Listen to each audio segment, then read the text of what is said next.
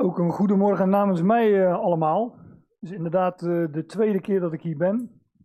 En uh, de eerste keer had ik niet gezien dat het uh, ook op video werd opgenomen. Dus ik. laatst was André Piet hier, jullie wel bekend. En die postte zijn video van deze samenkomst op zijn website. Toen stuurde ik hem een berichtje. Nou, André, daar sta je dan voor die klaagmuur. Maar toen kreeg ik een berichtje van hem terug met een video dat ik er zelf ook stond. Dus uh, ja, dus uh, nou ja. kreeg ik een koekje van eigen deeg. Maar er wordt uh, inderdaad heel wat afgeklaagd in, in deze wereld. En niet alleen bij die muur natuurlijk.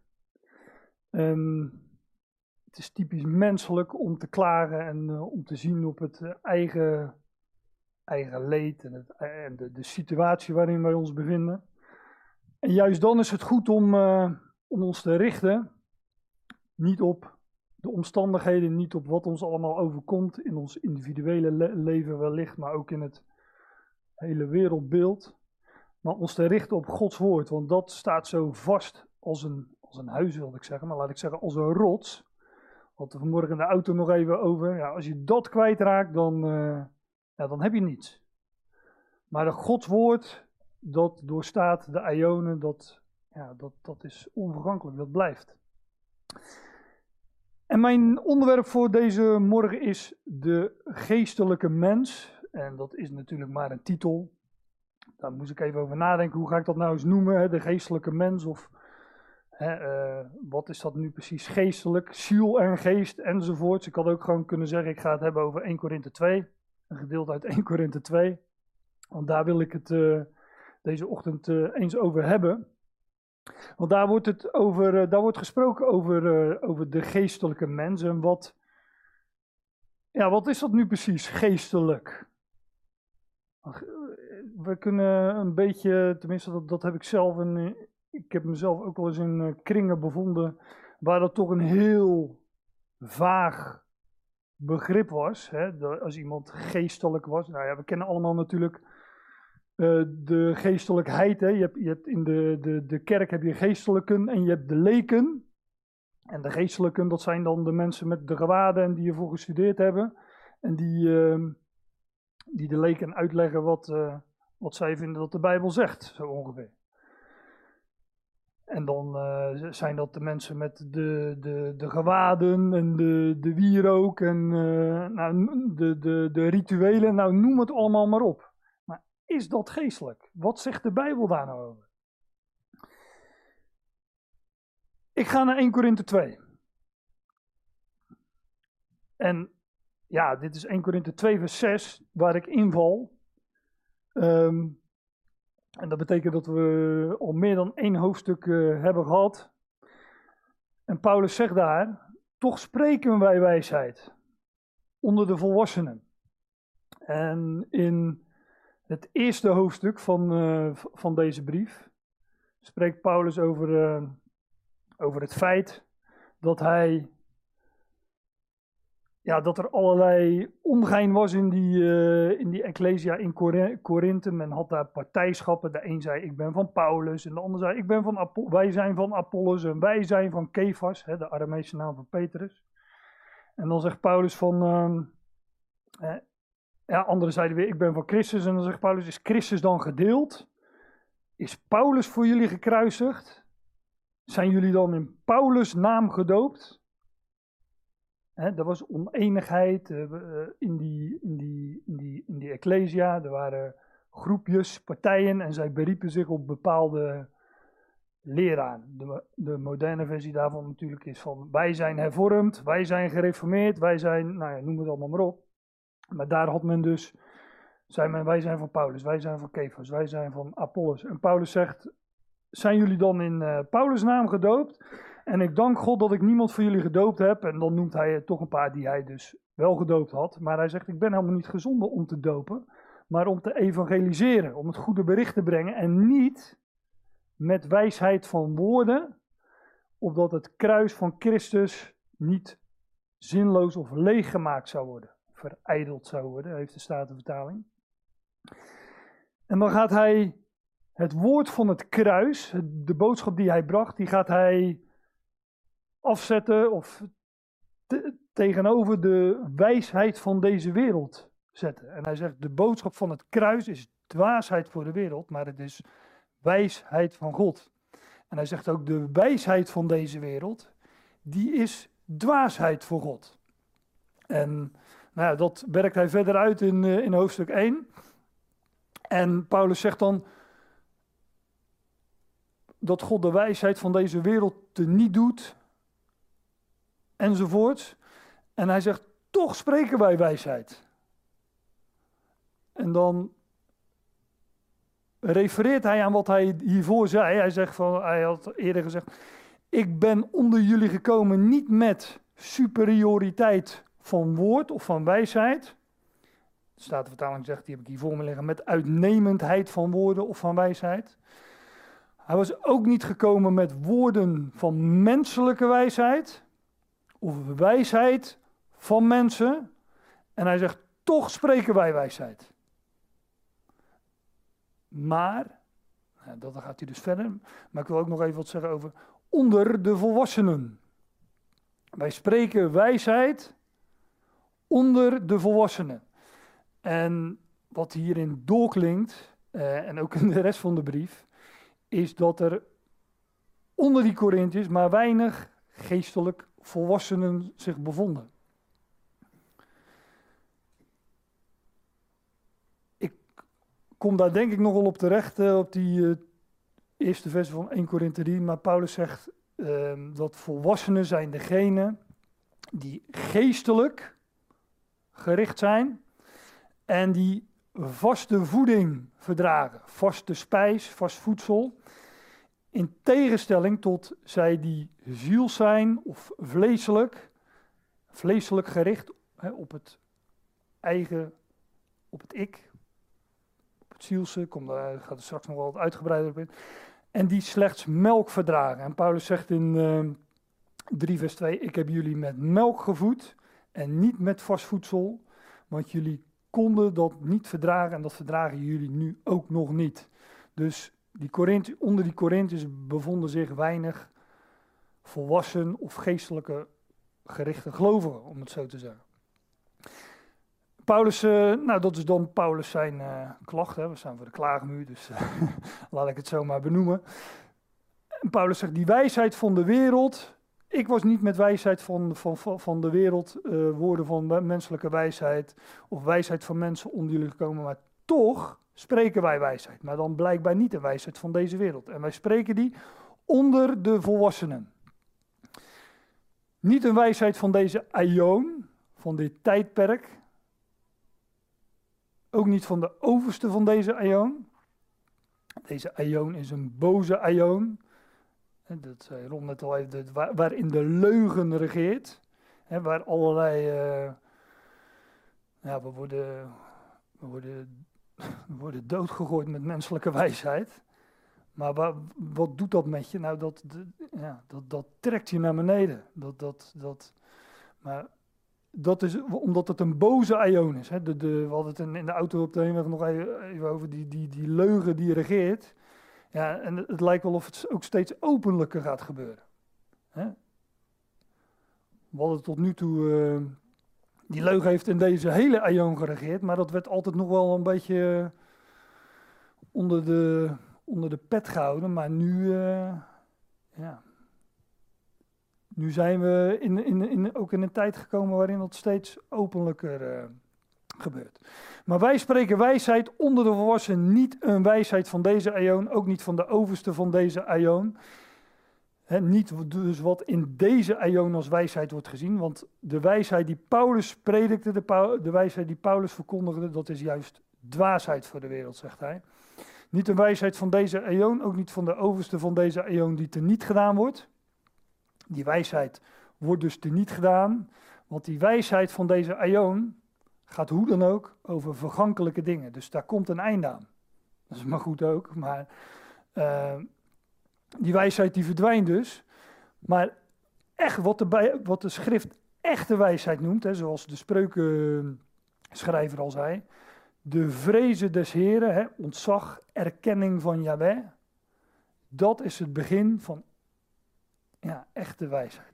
Begin, beginsel van wijsheid of beginsel van wetenschap, zegt uh, de schrift.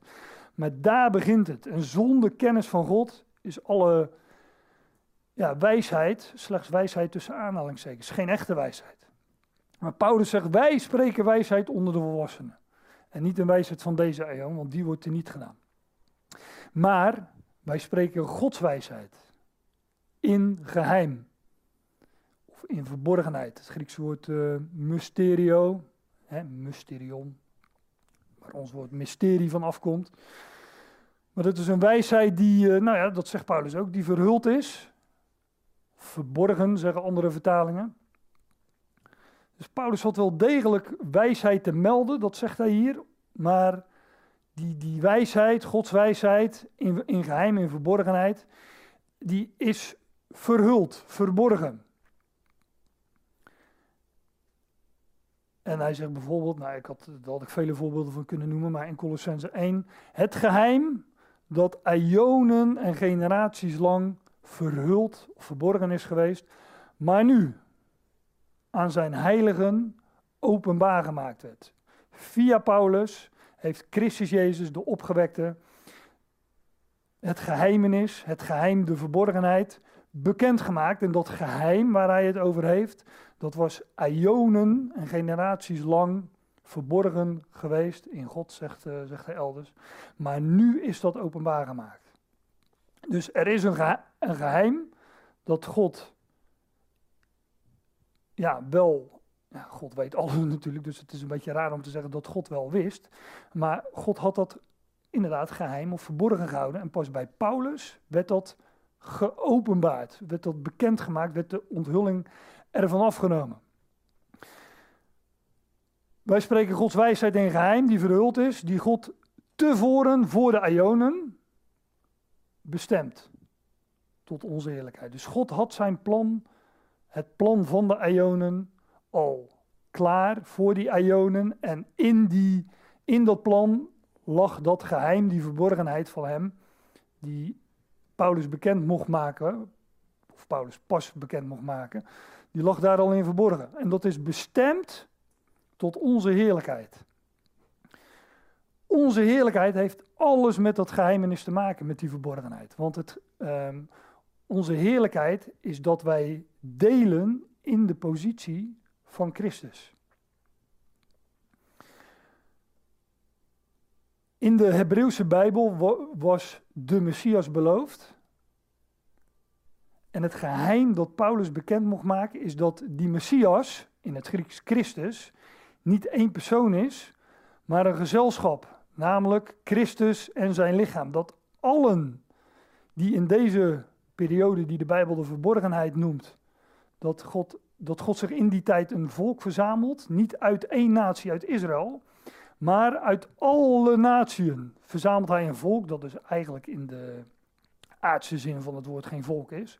Toch noemt de Bijbel het zo, hij verzamelt zich een volk uit alle naties voor zijn naam. En dat volk, samenhalingstekens, dat is de Ecclesia in het Grieks, het uitroepsel, het lichaam van Christus. En die groep, die deelt in de positie van Christus, oftewel die deelt in de positie van de Messias die aan Israël beloofd is. Die, gaan, die delen in alle beloften die aan hem gedaan zijn. Nu is dat verborgen, want ons leven, dat is ook, uh, dat is Colossens 3, ons leven is met Christus verborgen in God.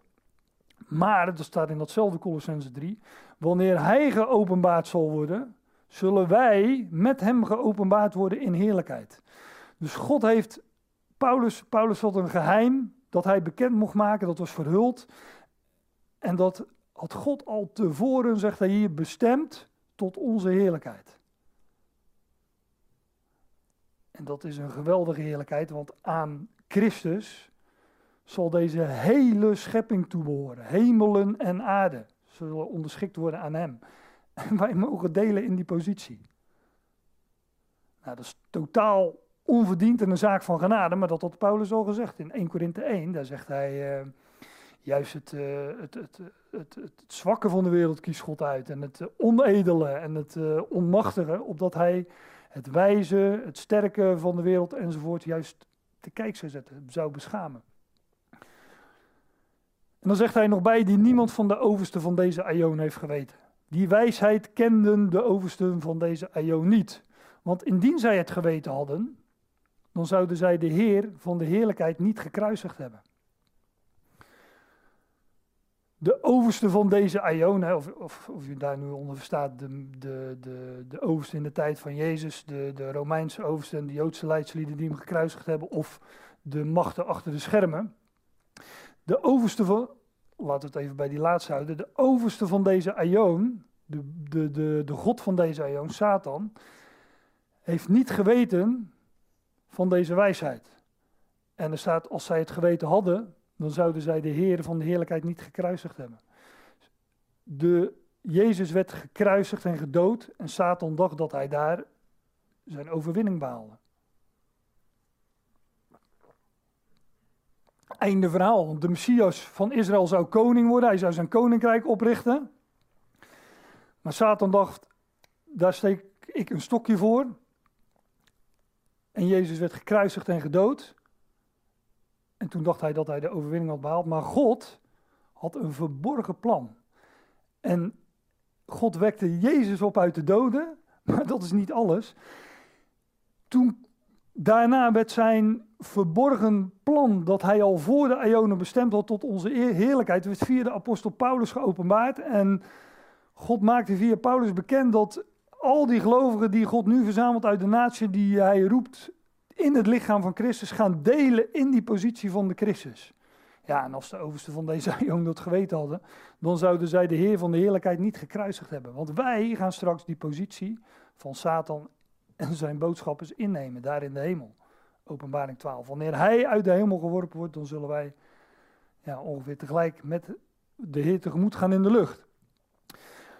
Ja, dan zegt Paulus nog, dan haalt hij een woord aan uit, uh, uit Jezaja. En dan zegt hij, maar zoals er geschreven staat, wat het oog niet waarnam en wat het oor niet hoort en wat in het hart van de mensen niet opkwam, dat maakt God gereed voor hen die hem liefhebben. Ja, dit is een citaat uit uh, Jezaja 64. En daar staat, ja, vanaf de Aion heeft men het niet gehoord. Men heeft het niet ter oren genomen. En geen oog heeft het gezien, behalve u, o God want God had het tevoren bestemd tot onze heerlijkheid. Geen oog heeft het gezien, behalve u, o God. Wat hij doen zal voor wie op hem wacht. En Paulus die haalt deze woorden aan in, uh, in Korinthe 2. En hij zegt van ja, dit spreekt niet uh, slechts over Israël. Deze woorden zijn, uh, zijn van toepassing op dat wat ik bekend maak. En ik, nou, ik heb natuurlijk niet het hele gedeelte uit Jezaja 64 erbij gehaald. Maar in dit vers staat Vers 7. Er is niemand die uw naam roept, zichzelf opwenkend om u vast te houden. En dit, dit spreekt Israël, hè? dat zijn woorden die Israël spreekt. Want u verbergt uw aangezicht voor ons. En geeft ons over in de hand van onze verdorvenheden. En dat is de tijd waarin wij nu leven. Israël is als natie terzijde gesteld. En God verbergt zijn aangezicht voor het Joodse volk. En dat. Uh, vind je bijvoorbeeld al in Deuteronomium, dus helemaal in het begin van de schrift in de, in de boeken van Mozes. God verbergt zijn aangezicht voor Israël, maar hij openbaart verborgenheden, hij onthult, hè, de onthulling wordt ervan afgenomen, hij onthult zijn plannen aan ons. En dat had hij al voorzegd, weliswaar verborgen, geheim, maar hij had het al uh, voorzegd nou ja, in, in Jezaja, maar ook in, uh, in Deuteronomium. En dit zijn de woorden die Paulus dan aanhaalt. Ja, dus um, voor Israël, nou laat ik het zo maar even doen. Voor Israël verbergt hij zijn aangezicht, maar, maar hij onthult zijn plan aan ons. En dat staat precies in het volgende vers. Maar aan ons onthult God het door zijn geest. God onthult ons zijn plannen door zijn geest. Verborgen voor de, degene in deze aion. Alles wat, wat, God, wat God doet, dat is verborgen. Ons leven, ik zei al, uh, ik haal die woorden van Paulus uit Colossense 3 al aan. Ons leven is met Christus verborgen in God. en het zijn ook verborgenheden die Paulus openbaart, onthult, bekend maakt. Aan ons onthult God het door zijn geest, want de geest doorzoekt alle dingen. En ik zei net dat ik, ik, ik, ik heb ooit in een, uh, bevond ik me in een, uh, lang geleden in een kring waar, waar, als het over geest ging, dan werd het altijd een beetje wazig. Hè, de, spiritueel, dus het Engelse woord spirit, maar het woord spiritueel, dat klinkt ook altijd een beetje vaag. Maar, en dat is op zich ook wel logisch, want de geest is onzienlijk. God is geest en God is onzienlijk. En dat zijn geest in ons werk, dat, ja, dat kun je ook niet zien aan de buitenkant. Dus er zit wel een, een aspect in van het is uh, ongrijpbaar. Maar toch staat hier juist iets heel concreets. De geest doorzoekt alle dingen. In dit gedeelte zegt Paulus, de geest onthult, hij doorzoekt, hij kent, hij weet de dingen van God, hij onderwijst en beoordeelt kritisch. Dat is dus wat echt geestelijk is. Het is dus heel concreet, hè? doorzoeken, onderzoeken, uh, kritisch beoordelen. Nou, we komen die woorden vanzelf straks tegen, dus ik, uh, ik lees gewoon verder. De geest doorzoekt alle dingen, ook de diepten van God. En diepten, ook dat veronderstelt al dat er een oppervlakte is waar onder gekeken moet worden. Net als het woord onderwijs dat ook uitdrukt, onder de oppervlakte wijzen. Maar die verborgenheden, die geheimen, die liggen dus verborgen. En je moet daar de onthulling van afnemen om het te openbaren, om het te onthullen, om de bedekking ervan af te nemen. En dan is de schrift een, uh, een ware goudmijn, want als we onder die lagen gaan kijken, ja, dan komen die verborgenheden en die geheimen die Paulus hier bekend maakt, met terugwerkende kracht overal tegen. Want de geest doorzoekt alle dingen, ook de diepten van God. Nou, ik heb, uh, Paulus spreekt vaker over die diepten. Ik heb één voorbeeld uh, erbij gehaald, de Romeinen 11. In Romeinen 11 gaat het overigens ook over die, om zo te zeggen, die omweg die God gaat. Israël terzijde gesteld, Israël opgesloten onder de ongehoorzaamheid. En God is nu gaat nu zijn weg onder de natieën.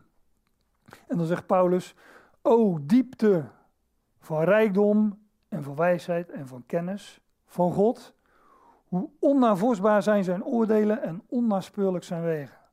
Gods plannen zijn zo goddelijk, ja, om het maar zo te zeggen, ja, die zijn voor ons onnavorsbaar en onnaspeurlijk. Maar God openbaart het ons door zijn geest. Wij hadden dat niet zelf kunnen bedenken. Wij hadden dat ook niet zelf uit de schrift, zoals uit de Hebreeuwse Bijbel kunnen halen. Maar nu de bedekking ervan afgenomen is, ja, nu kunnen wij de, die diepten onderzoeken. Hoe onafvoersbaar uh, zijn zijn oordelen en onnaspeurlijk zijn wegen? Want wie kende het denken van de Heer? Of wie werd zijn adviseur? Ja, niemand. Niemand kende het denken van de Heer. Hij had dat verborgen, maar hij openbaart het aan ons. Hij onthult het ons via de apostel Paulus. Ja, dit is overigens, uh, daar komen we ook nog op. Dit is het laatste vers van 1 Korinthe 2. En daar wordt iets soortgelijks gezegd, als Paulus in Romeinen 11 zegt. Want wie kende het denken van de Heer dat hem zal instrueren? Want wij hebben het denken van Christus. Hij werkt door zijn geest in ons en hij maakt ons zijn plannen, zijn denken bekend. Want wie van de mensen weet de dingen van de mens dan de geest van de mens die in hem is? Dit is een simpel voorbeeld hè, wat Paulus geeft. Wie kent onze gedachten, dat wat hè, onze in, in, inwendige overleggingen, dan de geest van de mens die in hem is? Ik bedoel, uh, ik zie jullie gezichten en uh, jullie kunnen van alles denken op dit moment. Maar ik zie dat niet. dat zien we niet van elkaar. Maar de geest van de mens die in hem is, die weet dat wel. Nou, zegt Paulus, zo weet ook niemand de dingen van God dan de geest van God. En daarom heeft God ons dus zijn geest gegeven, opdat wij zouden onderzoeken, nee, zodat we zouden weten, ja, dat, dat is een van de volgende versen, zodat we zouden weten de dingen die God ons in genade schenkt. Dingen die God ons geeft. zo weet ook niemand de dingen van God dan de geest van God. Dus geest gaat over weten, dingen onderzoeken, dingen beoordelen. En wij namen niet de geest van de wereld in ontvangst, maar de geest die uit God is. Die geest van de wereld. Ik zeg ook altijd tegen mensen van, nou, als ik alles zou moeten weten wat deze boze Aion ons uh, brengt, ons geeft, ja, dan hadden we, als ik dat zou moeten weten, dan hadden we wel de geest van de wereld ontvangen, inderdaad. Nee, wij, wij namen niet de geest van de wereld in ontvangst, maar de geest die uit God is, opdat wij de dingen zullen weten, dus weer weten. Dus wij hebben Gods geest ontvangen, opdat we de dingen zullen weten. Wij namen niet de geest van de wereld in ontvangst. De, die, uh, de geest van de wereld is de wijsheid van deze wereld, die Paulus in de, ja, lees, dat voor aan de hoofdstuk maar eens, uh, maar eens door, maar daar, daar heeft hij het continu over die wijsheid van deze wereld. En ook niet van de overste van deze eon, want zij herkenden en erkenden de Heer niet en zij kruisigden hem. Wij namen niet de geest van de wereld in ontvangst, maar de geest die uit God is, opdat wij de dingen zullen weten die door God genadig aan ons gegeven worden. Dus God geeft ons zijn geest niet opdat wij de dingen van de wereld zullen weten, maar opdat wij zullen weten wat Hij ons allemaal geeft. Daar heeft Hij ons zijn geest voor gegeven, zodat we dat kunnen verstaan, zodat we dat kunnen onderzoeken, zodat we dat kunnen beoordelen. En dat, ja, dat zei ik aan het begin al, dat is wat werkelijk opbouwt en waar je werkelijk op kunt gaan staan. Dit woord uh, dat genade gegeven worden, daar zit het woordje charis in. dat is het woord genade. Wat overigens ook weer met vreugde te maken heeft. Charis. Maar ja, genade is ook dat wat je vreugde geeft. En vandaar dat ik ook zeg, ja, dat is wat je opbouwt, wat je opricht. Die dingen spreken wij ook, zegt Paulus. Ja, ja, had eerder al gezegd, wel onder volwassenen. Die dingen spreken wij ook niet met woorden onderwezen door menselijke wijsheid. En daar zijn er wat van, ook in, uh, in religie, in, in, christendom. Woorden onderwezen door menselijke wijsheid. Die wordt, die wordt ook onderwezen aan, aan, aan hogescholen en theologische hogescholen. Ik zeg altijd, als je, als je de dingen van de schrift moet uitleggen met woorden die je niet terugvindt in de schrift, dan begeef je je op glad ijs. Wij zouden de, die dingen spreken die God ons genadig schenkt, niet met woorden onderwezen door menselijke wijsheid. Niet met woorden zoals drie-eenheid, God de Zoon, hel. Nou, ik zou nog even door kunnen gaan, maar dat doe ik niet. Allemaal woorden die vreemd zijn aan de schrift.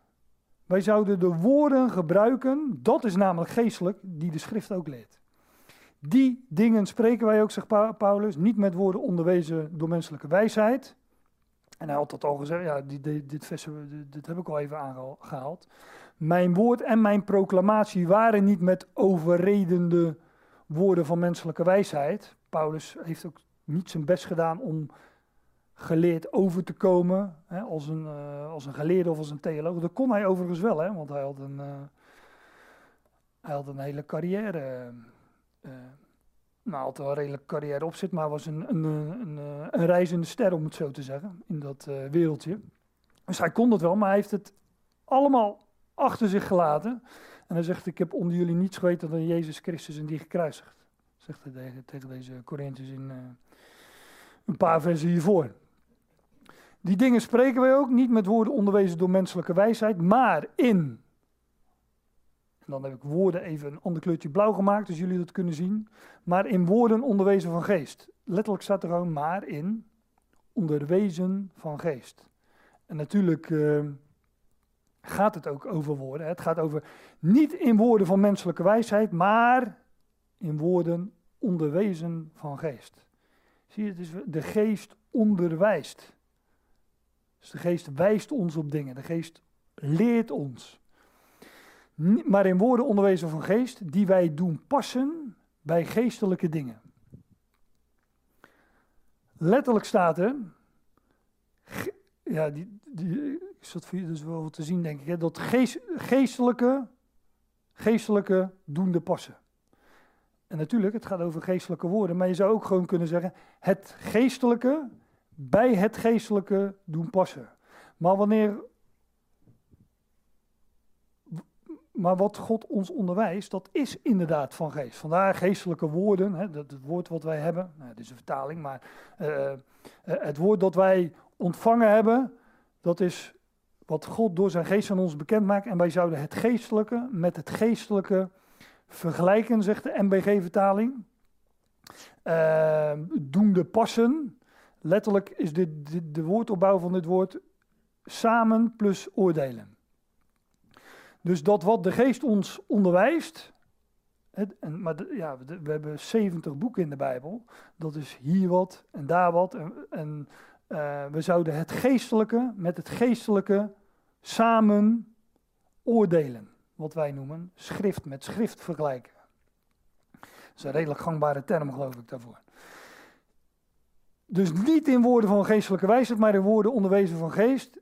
Het geestelijke met het geestelijke vergelijken geestelijke dingen die wij doen passen bij geestelijke dingen. Dus, dus het geestelijke met het geestelijke vergelijken, of geestelijke woorden met geestelijke woorden vergelijken, uh, of samen beoordelende.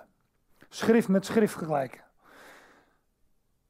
Petrus zegt daarover, wij hebben het profetisch woord meer bevestigd. dat heel, het is bevestigd, het is vast. En jullie doen goed er acht op te geven, zegt Petrus.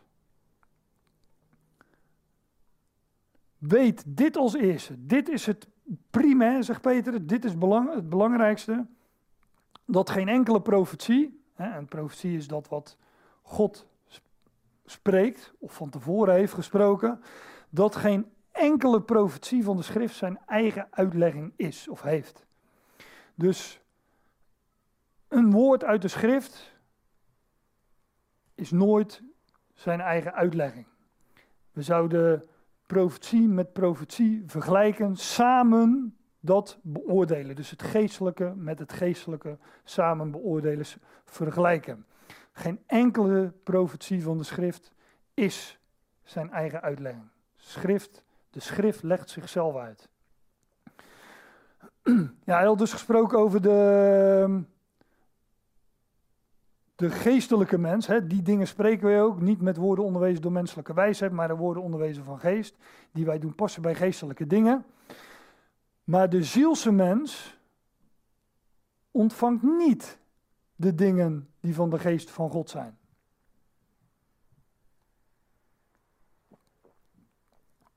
En ziel staat hier tegenover geest. En in ons nou ons, in, in het algemeen taalgebruik wordt het meestal eh, op één hoop geveegd. als, je, als je psychische problemen hebt, of geestelijke problemen moet ik zeggen, dan uh, ga je naar de psychiater of de psycholoog. Maar dat, is een, uh, dat heeft met de ziel te maken. Een zielenknijpen, dat is weer wel een goede. ja, dat heet een zielenknijpen, ja vind ik nooit zo'n. Dan heb ik al zoiets van, nou daar moet ik niet wezen als, ik, uh, als die maar gaat knijpen. maar de zielse mens, die staat dus tegenover uh, de geestelijke mens. En de zielse mens ontvangt niet de dingen van de geest van God. Die is daar niet ontvankelijk voor. De zielse mens is de mens die gericht is op het zielse, dus niet op het geestelijke. De, de schrift zegt ook dat de mens een ziel is. Die heeft geen ziel, die is een ziel. Ja, dat zou een onderwerp op zich zijn om daar uh, over. Uh, daar zou je een, een, hele Bijbelstudie natuurlijk over kunnen ge geven. Nou, meer dan één ook. Maar dieren zijn bijvoorbeeld ook zielen. Dus het is wat de dieren met ons, mensen, gemeenschappelijk hebben. Nou, dat is bijvoorbeeld bloed. Maar ja, het is altijd een beetje lastig om nou eens even in één zin te zeggen wat ziels is. Maar dat wat de zintuigen prikkelt, dat is ziels. Ik had net over geestelijken, waarvan men zegt dat zijn geestelijke die, die, in, in, uh, die mooie gewaden uh, prediken en in mooie gebouwen. Maar dat is, zijn allemaal dingen die juist de zintuigen prikkelen. Het zoeken van een ervaring, dat is ziels. Emoties, sensaties, lusten, gemoedsbeweging, hè, zielenroerselen, met een uh, oud Nederlands woord. Of de ziel, het ziels is dat waar het hart sneller van gaat kloppen. Want de ziel is in het bloed. En als het hart sneller gaat kloppen, eh, dan ja, dat, dat is het zielse. En ik zeg er altijd bij, daar is helemaal niets mis mee met het zielse, want dat hebben we allemaal. En de een die heeft het natuurlijk wat meer dan de, de ander. En de een heeft er meer last van dan de ander of meer gemak van dan de ander. Maar er is niets mis mee, maar het zou niet leidend zijn. Het zielse zou niet leidend zijn, geen doel op zich. Ik had pas een, uh, gesprekje met mijn dochter, die, uh, die is tien. En die zei, uh, pap, je moet altijd doen wat je hart je ingeeft. Ze praat ook wel eens met anderen dan met mij, blijkbaar. Um, en toen zei ik van ja, dat, dat, dat, dat, is aan de ene kant waar, hè, want het is, het is natuurlijk heel makkelijk als je bijvoorbeeld een uh, uh, sport leuk vindt of een opleiding wil gaan doen, dat dat van binnenuit komt en dat je dat, als je hart dat ingeeft, dat je dat ook gaat doen. Dan heb je, dan heb je in ieder geval de motor en de brandstof om het te gaan doen. Maar ik gaf haar het voorbeeld. Um, ik zeg van joh, eh, ze is nogal van de verliefdheid en van uh, ga ik straks trouwen of uh, nou dat vindt ze allemaal heel interessant. Zeg maar stel je nou voor dat je over een aantal jaren, gaat nog wel even duren hoop ik, dat je gaat trouwen met een, met een jongen, met een man en dan beloof je hem trouw tot de dood je scheidt. En dat is een, een, een belofte. Zeg maar, en dan ben je een paar jaren getrouwd en dan kunnen die gevoelens van verliefdheid, die kunnen wat afvlakken of zelfs afzwakken. En dan kom je iemand anders tegen en die roept iets in je op dat je, eh, ja, dat je de, de, wat je bij, bij, bij je partner niet hebt. Wat doe je dan? Doe je dan wat je hart je ingeeft op dat moment? Wat je hart zegt van nou, uh, de een verlaat en de, met de ander er vandoor, uh, bij wijze van spreken.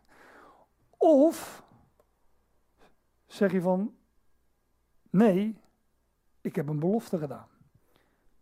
Nou, daar uh, ging ze dus even over nadenken. Maar dat zet haar dus gelukkig, zeg ik, uh, gelukkig denk ik erbij, wel aan het nadenken. Maar ik, ja, ik probeer een vergelijking daar ook bij te maken van, wat is nou het, het, het ziels? Het ziels is als een boot die op de golven heen en weer gaat.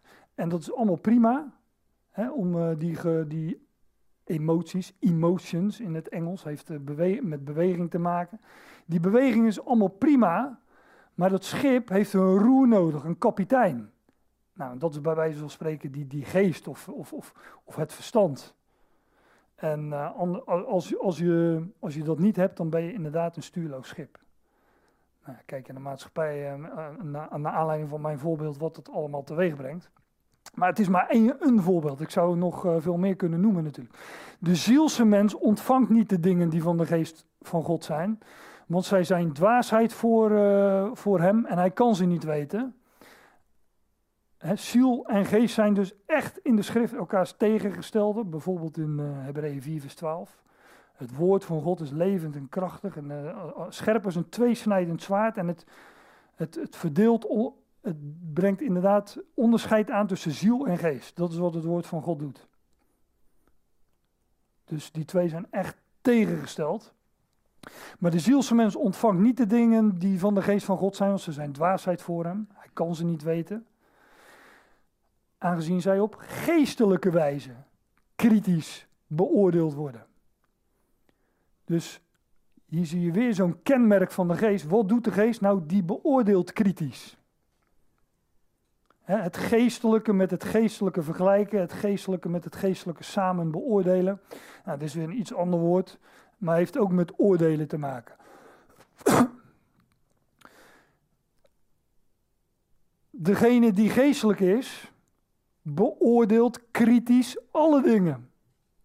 Kijk, daar is hij weer, de, de, de, de, geest, de geest of de geestelijke mens. Degene die geestelijk is, de geestelijke mens, beoordeelt kritisch alle dingen. Dit woord, kritisch beoordelen, als je dat opzoekt, dan uh, wordt dat in de, is dan hoe de MBG-vertaling dat, dat vertaalt, dat woord, is niet erg uh, concordant of consequent, maar een aantal keren gaat het over iemand die verhoord wordt. Het, uh, zoals in de rechtspraak iemand verhoord wordt. En, en waarom wordt iemand verhoord? Nou, dat gaat altijd over waarheidsvinding. Dus degene die geestelijk is, die doet aan waarheidsvinding. Die beoordeelt kritisch alle dingen. Die weegt die zaken tegen elkaar af en komt dan tot een conclusie. Het geestelijke met het geestelijke vergelijken en daar je conclusies uittrekken. En wat je emoties en je buurman en je buurvrouw en uh, of voor mij wat je kerkgemeente daar allemaal van vindt, dat doet er niet toe. Het telt maar één ding. Wat is waarheid? Dat is geestelijk en daarop is die geestelijke mens dus gericht. Hij beoordeelt kritisch alle dingen. Ja, zoals die beret, die, die kennen jullie vast wel, zoals de beret is in Handelingen 17 heb ik erbij gezet. Daar, wordt, daar noemt Paulus, uh, dat gaat dus over de Bereërs, en deze, die waren edeler dan degene in Thessalonica. Zij ontvangen het woord met alle bereidwilligheid. Nou, dat doen jullie ook uh, tot nu toe in ieder geval. Maar dat is ook een geestelijke houding dus. Hè? Het, het, woord met alle bereidwilligheid ontvangen en uh, aanhoren maar niet voor zoete koek slikken. Want, staat erbij, en dagelijks beoordelen zij kritisch, weer datzelfde woord, anacrino. Dagelijks beoordelen zij kritisch, ja, aan de toetssteen, aan de hand van de schriften. Ook niet over wat een kerkleer vindt, of wat die leraar zegt, of wat, nou noem het allemaal. Nee, wat, wat zegt de schrift? Dat is het enige dat telt. Want dat is ook het enige dat vaststaat. Want Gods woord is rotsvast, onvergankelijk en dat staat. En dat blijft ook staan en dat doorstaat de ionen. En wat Jantje of Pietje vindt, ja, dat zou uh, in theorie morgen heel anders kunnen zijn. En dagelijks beoordelen, beoordelen zij kritisch aan de hand van de schriften of deze dingen zo zijn. Zie je, is het waar of niet? En is het waar, dan omarmen we, omarmen we het, dan maken we het ons eigen. En is het niet waar, dan uh, in de prullenbak. Wie het ook zegt. En welke welke, hoe zeg je dat? Ook al heeft iemand aanzien of het doet er allemaal niet toe. Is het waar? Zegt de schrift het, ja of nee? Degene die geestelijk is, beoordeelt kritisch alle dingen, maar zelf wordt hij door niemand kritisch beoordeeld.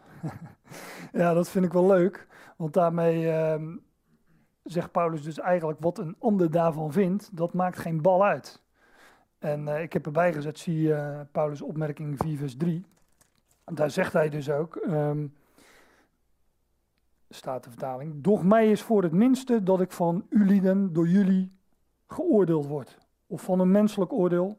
Ja, ik oordeel ook mezelf niet. Dus hij zegt daar, het maakt me echt helemaal niet uit wat jullie ervan vinden, wat jullie, hoe jullie mij oordelen.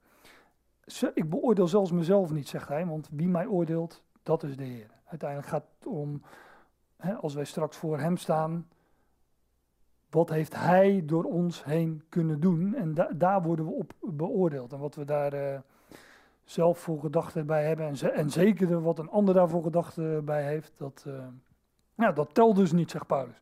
Zelf wordt hij door niemand kritisch beoordeeld. Want wie kende het denken van de Heer dat hij hem, dat hij hem zal instrueren?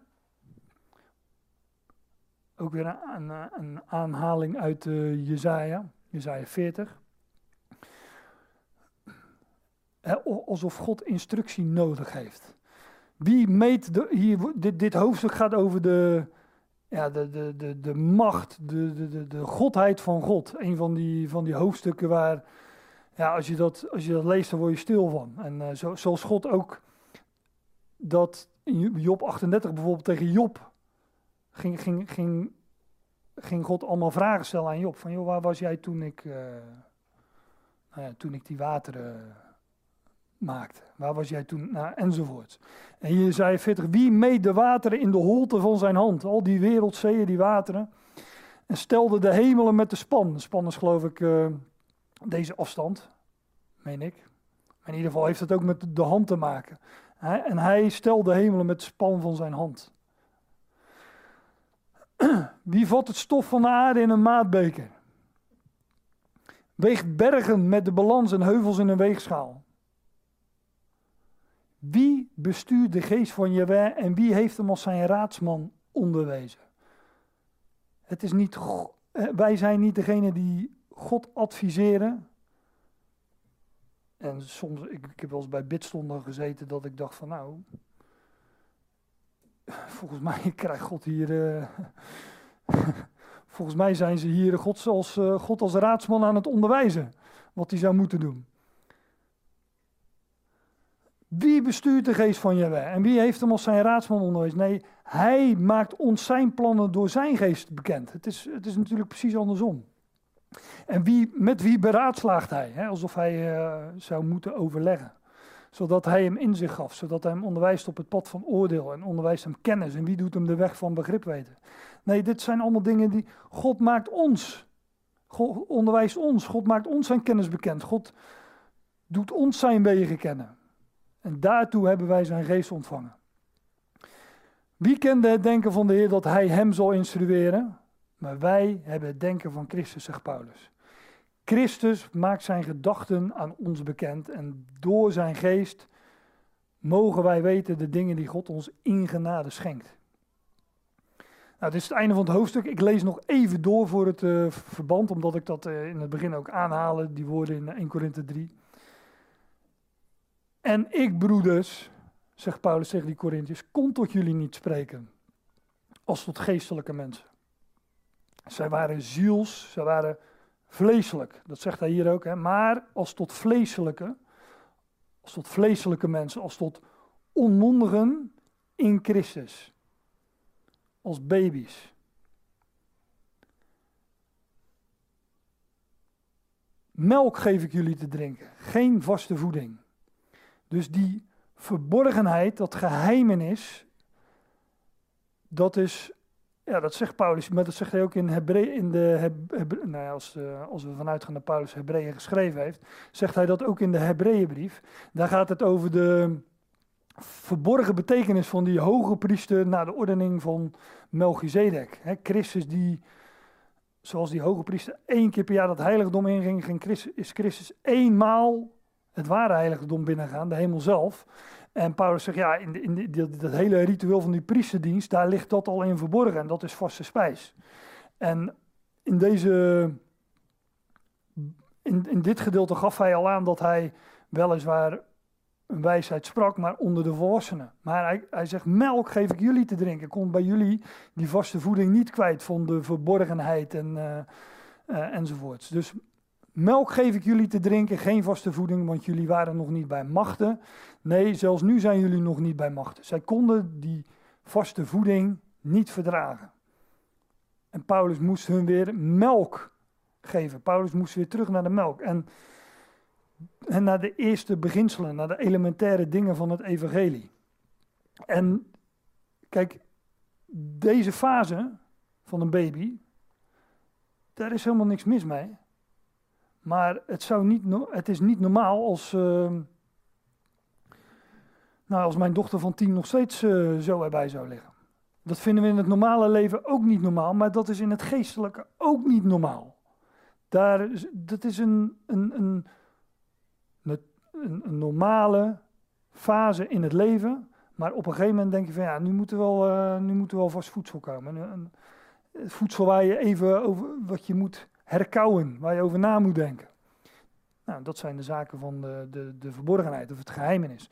Melk geef ik jullie te drinken, geen vaste voeding, want jullie waren nog niet bij machten. Nee, zelfs nu zijn jullie nog niet bij machten, want jullie zijn nog vleeselijk, zegt Paulus, generaliserend tegen zijn uh, lezers. En daar geeft hij ook nog een voorbeeld bij, want waar er onder jullie jaloezie en ruzie is, zijn jullie dan niet vleeselijk en wandelen jullie niet naar de mens? Dat is dus heel menselijk, ja. Jaloezie, ruzie. Maar dat gaat allemaal over het ziels, hè. Jaloezie en ruzie. Die ander roept gevoelens bij mij op. Emoties, uh, gemoedsbewegingen. En daar reageer je dan op. En dan komt er, uh, want dan zie je op het vlees, op, uh, ja, maar het gaat toch om mij. Het gaat om, ik, ik moet toch zus en ik moet toch zo. Dat, dat is natuurlijk ook wat een, een, een baby doet, hè. Die begint te schreeuwen als die, als, als die honger heeft of slaap of weet ik veel wat. In ieder geval als er iets is. En dan moet alle aandacht naar, uh, naar het kind. Maar een volwassene is gericht op de ander. En met name natuurlijk, die is in de eerste plaats gericht op God. En op wat God ons in genade schenkt. En om de ander daar ook in, in en mee te dienen. Daar op te wijzen, te onderwijzen. En die dingen te beoordelen en met elkaar te overleggen. Waaronder jullie jaloezie en ruzie is, zijn jullie dan niet vleeselijk en wandelen jullie dan niet naar de mensen? Net als, de, de, net als deze wereld, zeg maar. En dan noemt hij weer dat voorbeeld wat ik al eerder noemde. Want wanneer iemand zegt, ik ben van Paulus en een ander, ik van Apollos, zal hij dan niet vleeselijk zijn? Als dat, al die vleeselijke onderscheidingen, daarmee zeg je ook van, ja, jij hoort niet bij mij. Wij zijn dit clubje en ja, jullie zijn dat clubje, dus we zijn één. Eén lichaam in Christus. Want wanneer iemand zegt, ik ben van Paulus en een ander, ik van Apollos, zal hij dan niet vleeselijk zijn? Wat is dan, wat dan is Apollos en wat is Paulus? Bedienden of dienaren zijn zij, door wie jullie geloven. En dit is het laatste vers wat ik uh, in mijn presentatie verwerkt heb. Het is een beetje een abrupt einde. Uh, maar het, is een voortgaande, het, het is een voortgaande redenering die Paulus hier uiteenzet. Maar le lees het maar verder. Paulus zegt dan ook van, uh, ja, ik ben degene die geplant heeft. Hij maakt het, uh, een geeft een agrarisch voorbeeld, zeg maar. Ik ben degene die geplant heeft en Apollos heeft begoten. Maar God is degene die de groei geeft. Als God zijn werk niet doet, als God geen ogen opent, als God geen oren opent, dan blijven ze dicht. Bedienen zijn zij door wie jullie geloven, zoals de Heer aan een ieder geeft. Opdat, en dat zei Paulus in het laatste vers van 1 Korinthe 1, opdat wie roemt, laat hij roemen in de Heer. Alles is zijn werk en alles is uh, ja, uit hem, door hem en tot hem. Ik uh, wil het hierbij laten. En ik zal nog uh, afsluiten met jullie met een, met een dankgebed.